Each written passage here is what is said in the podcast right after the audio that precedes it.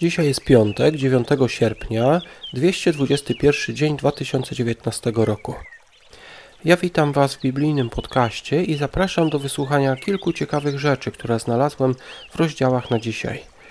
Dzisiaj będzie o wolnej woli, proroctwie co do perskiego króla Cyrusa, walki z pociągiem do złych rzeczy oraz o szanowaniu starych rodziców.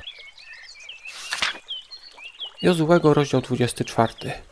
Jozue przypomina historię od Teracha, czyli od ojca Abrahama. Terach służył obcym bogom, później Izraelici w Egipcie także służyli innym bogom. Tak więc Jozue całą tą historię podsumowuje takim pytaniem. Gdyby jednak wam się nie podobało służyć Panu, rozstrzygnijcie dziś komu służyć chcecie, bo bóstwa, którym służyli wasi przodkowie po drugiej stronie rzeki, czy też bóstwom Amorytów, w których kraju zamieszkaliście – ja sam i mój dom służyć chcemy Panu.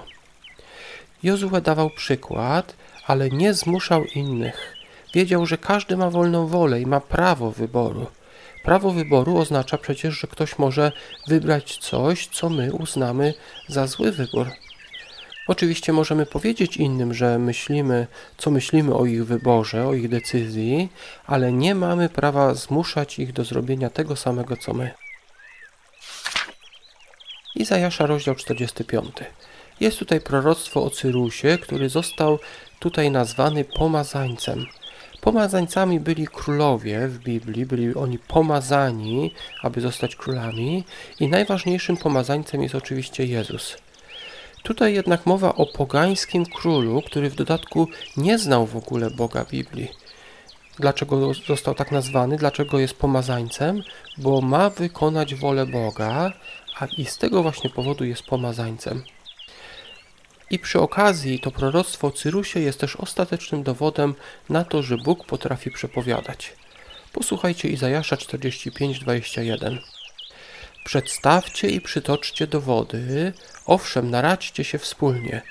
Kto zapowiedział to już od dawna i od owej chwili objawił, czyż nie ja jestem Pan, a nie ma innego Boga oprócz mnie? Bóg sprawiedliwy i zbawiający nie istnieje poza mną. Każdy więc może zbadać dowody, że Bóg od dawna zapowiadał na przykład właśnie to wyzwolenie przez Cyrusa. To właśnie dowodzi, że jest On Bogiem i że nie ma innych bogów poza Nim, którzy tak jak On potrafiliby to przepowiedzieć. Rzymian rozdział 7. Prawo mojżeszowe już nie obowiązuje chrześcijan i tutaj Paweł przyrównał to do żony, która jest wolna od swojego męża po jego śmierci. Y, Paweł opisał też tutaj nasze zmagania z pociągiem do złych rzeczy, y, konkretnie swoje. Napisał o sobie w Rzymian 7 rozdział 19 werset. Nie czynię bowiem dobra, którego chcę, ale czynię to zło, którego nie chcę. My często mamy takie dobre intencje, ale potem robimy coś przeciwnego i zdarzało się, zobaczmy to, nawet apostołowi Pawłowi. Księga Przysłów, 23 rozdział, versety 22 do 25. Bóg oczekuje od dzieci, że będą posłuszne rodzicom, ale co wtedy, gdy dzieci dorosną i być może staną się mądrzejsze od ojca i matki? Księga Przysłów 23-22 mówi tak. Słuchaj ojca, który cię zrodził i nie garść twą matką staruszką.